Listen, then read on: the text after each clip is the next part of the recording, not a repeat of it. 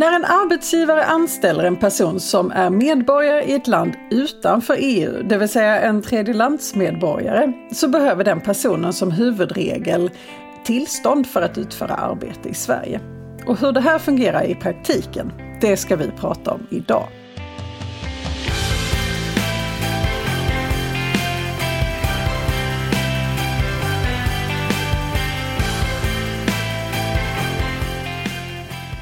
Hej och välkommen till Arbetsrättspodden. Podden för dig som verkar inom HR eller hanterar personalfrågor i din vardag. Jag heter Emelie Svensäter Jantorp och arbetar som advokat inom arbetsrätt här på Vinge. Och med mig idag har jag min kollega Jonna Skog som också arbetar med arbetsrätt och sitter i Stockholm. Hej Jonna! Hej Emelie! Vi ska prata om arbetstillstånd och det vet jag ligger dig jättevarmt om hjärtat. Du jobbar mycket med de här frågorna. Ja, men det gör jag och eh, det är verkligen eh, spännande frågor. Jag jobbar ju både med migrationsrätt och eh, arbetsrätt och de här områdena går ihop just i arbetstillståndsfrågorna, vilket brukar bli ja, ganska spännande frågeställningar ibland. Ofta krockar det lite, så att ja. Nej men och, och, och, det är ju verkligen jätteviktigt att ha koll på de här frågorna för jag menar vi lever i en global värld och eh, den kompetens man behöver finns kanske inte alltid precis där man är utan det kanske är så att man eh, även ifall man är ett svenskt bolag behöver leta efter arbetskraft eh, utanför EUs gränser och då är det viktigt att man har koll på detta och ha koll på det i tid förstår jag. Exakt, det är väl det vi ska prata om eh, idag helt enkelt. För varför ska vi prata om detta idag? För jag vet, det är någonting som du vill säga. Exakt, ja. Nej men eh, dels för att det är ett eh, viktigt och roligt eh, ämne såklart, men också för att Migrationsverket faktiskt gör eh, ganska stora ändringar nu. Inte av just eh, ansökningsprocessen kanske, men handläggningssystemet. Eh, och de här ändringarna är ju, precis som du var inne på Emily, till för att man ska hjälpa arbetsgivare att få hit kompetens till Sverige och då specifikt högkvalificerad kompetens. Ja men precis. Och då kommer det lite ändringar och nu ska jag säga i, spel, i inspelande stund har de inte trätt i kraft. Men när vi släpper det här poddavsnittet så kommer eh, allting ha ändrats faktiskt. Så jag tänker vi tar en liten bakåtblick så man vet vad som har gällt sen tidigare och sen så fokuserar vi på eh, vägen framåt helt enkelt. Hur kommer det se ut nu och varför kommer det bli bättre såklart?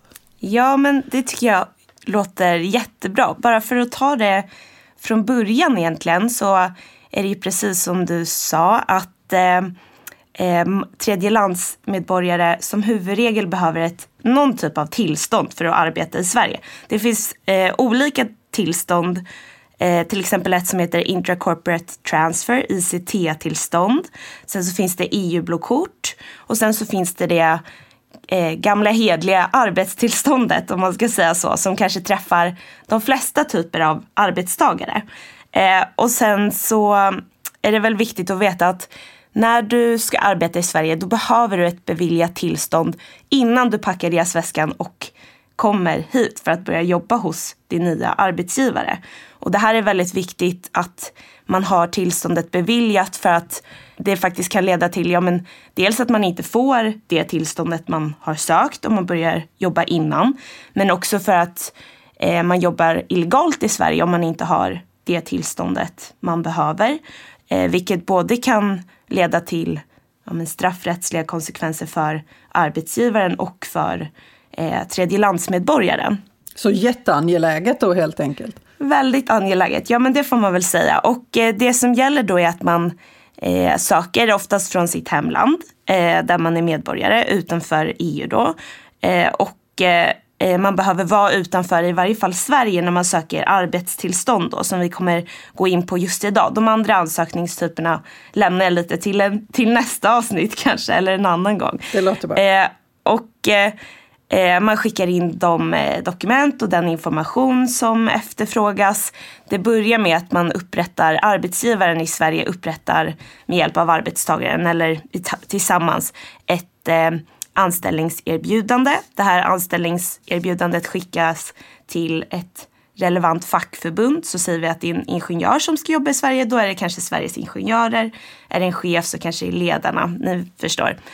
Sen så biläggs det här anställningserbjudandet och yttrandet från facket som tittar på så att villkoren ser bra ut till själva huvudansökan då som skickas in tillsammans. Och när man har gjort det här så tar det, ja men senaste, sen jag började jobba med de här frågorna i varje fall, så har det tagit ungefär mellan 9 till 12 månader att få ett arbetstillstånd eh, beviljat om man söker för första gången. Och då är det under förutsättning att man har fått in en komplett eh, ja, ansökan precis. från början. För jag vet ibland är det en utmaning också att handlingarna kanske inte riktigt innehåller allt det som eh, Migrationsverket vill titta på för att kunna göra en bedömning. Nej, exakt. Och det som händer egentligen, ja, men om man ska se det som ett kösystem, eller handlägg, eh, ansökan hamnar ju längst bak i handläggningskön. Eh, och sen så handläggs den framåt och när den väl handläggs och det uppkommer uppföljningsfrågor, ja men självklart, då går ju, drar ju det ut på processen. Och de här handläggningstiderna har väl egentligen inte gjort Sverige till ett så konkurrenskraftigt eh, land när det kommer till eh, att få hit arbetskraft från tredje land. Det har ju funnits ett, eh, ett fast track system som är fast track kö där, eh, där man har kunnat bli certifierad som arbetsgivare.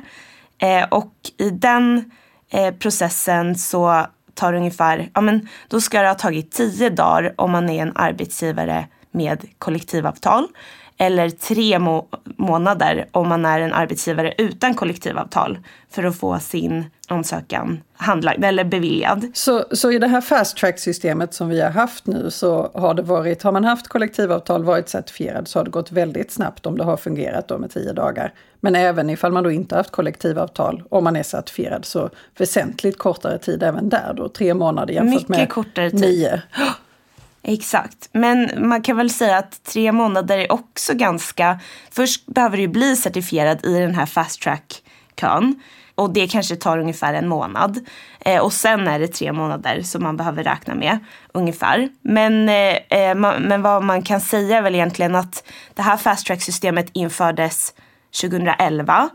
Och då var tanken att det var eh, arbetsgivare som behövde anställa ungefär 50 arbetstagare från tredje land per år som kunde få den här fast tracken. Som hög eh, omsättning eller egentligen ja, hög, hög införsel av arbetskraft helt enkelt. Exakt, och kanske lite mer ja, men, exklusivt system på det sättet.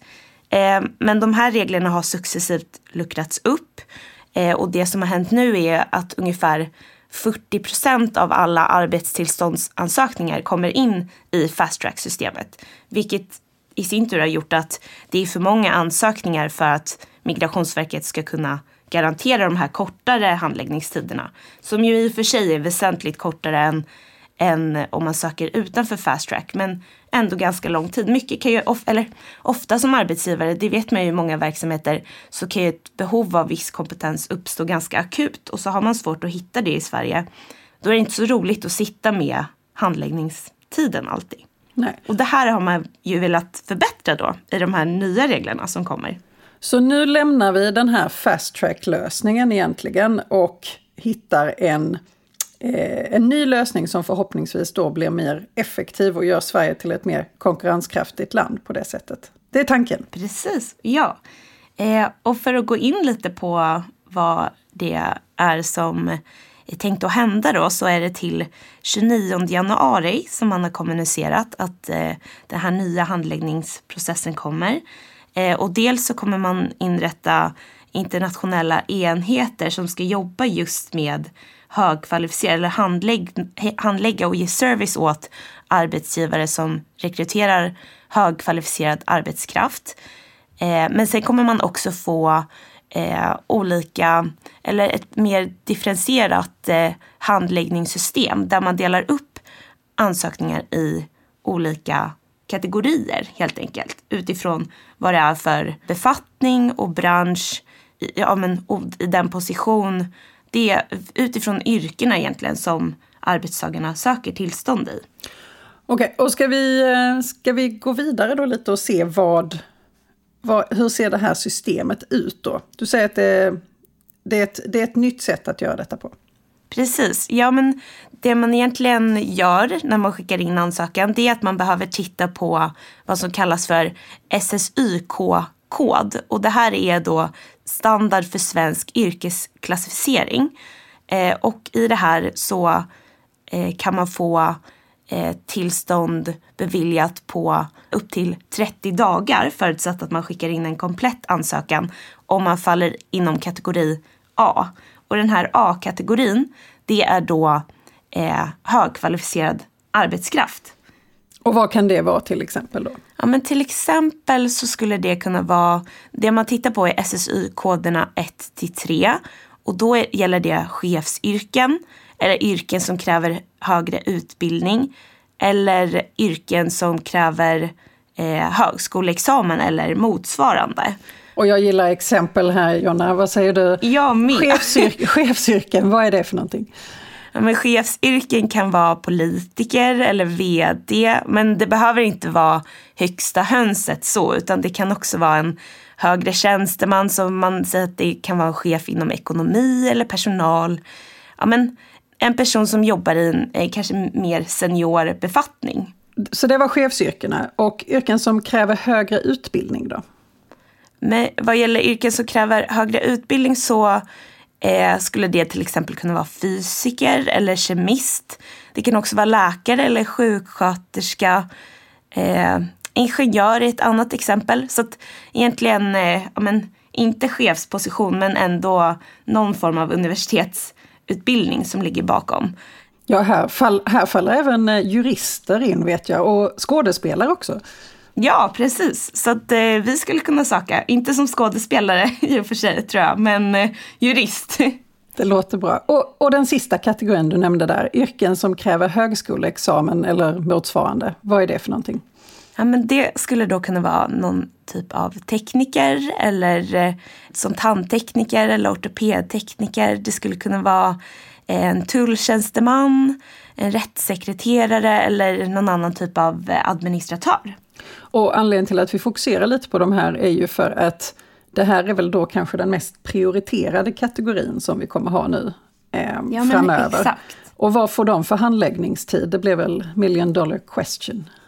Ja, det är ju då som sagt 30 dagar förutsatt att man skickar in en komplett ansökan. Så att eh, det blir väsentligt mycket kortare än vad man har haft tidigare och det kommer ju också hjälpa de här arbetstagarna att komma till Sverige snabbare. Det blir ju lättare att rekrytera den här typen av arbetskraft så som det är tänkt.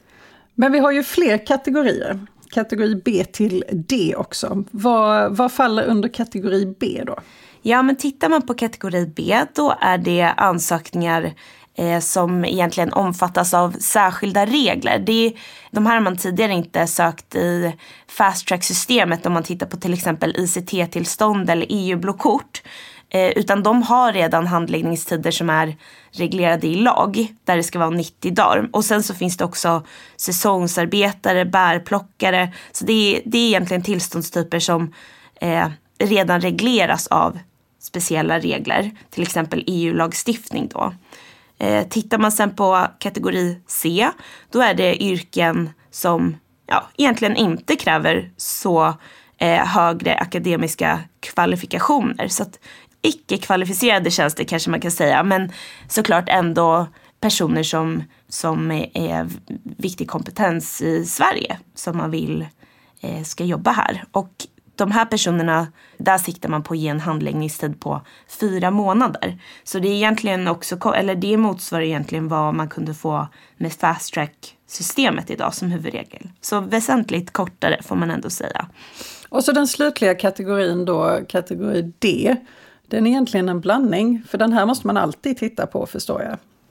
Ja, men precis. Här tittar man på om det är en särskilt utredningskrävande verksamhet. Och vad är det? Ja, men det skulle till exempel kunna vara eh, personlig assistans eller städbranschen. Byggbranschen är ett annat exempel. Men det kan också vara eh, nystartade verksamheter faktiskt. Där det är eh, att man har startat verksamheten men den, är, den ska vara yngre än 12 månader och då finns det krav på att man skickar in dokumentation som egentligen visar att man har finansiell kapacitet att ha eh, anställda i korta ordalag. Och de här, den här särskilt utredningskrävande kategorin, den ska ha en handläggningstid på fyra månader. Så det är egentligen inte någon, någon jätteväntan där heller.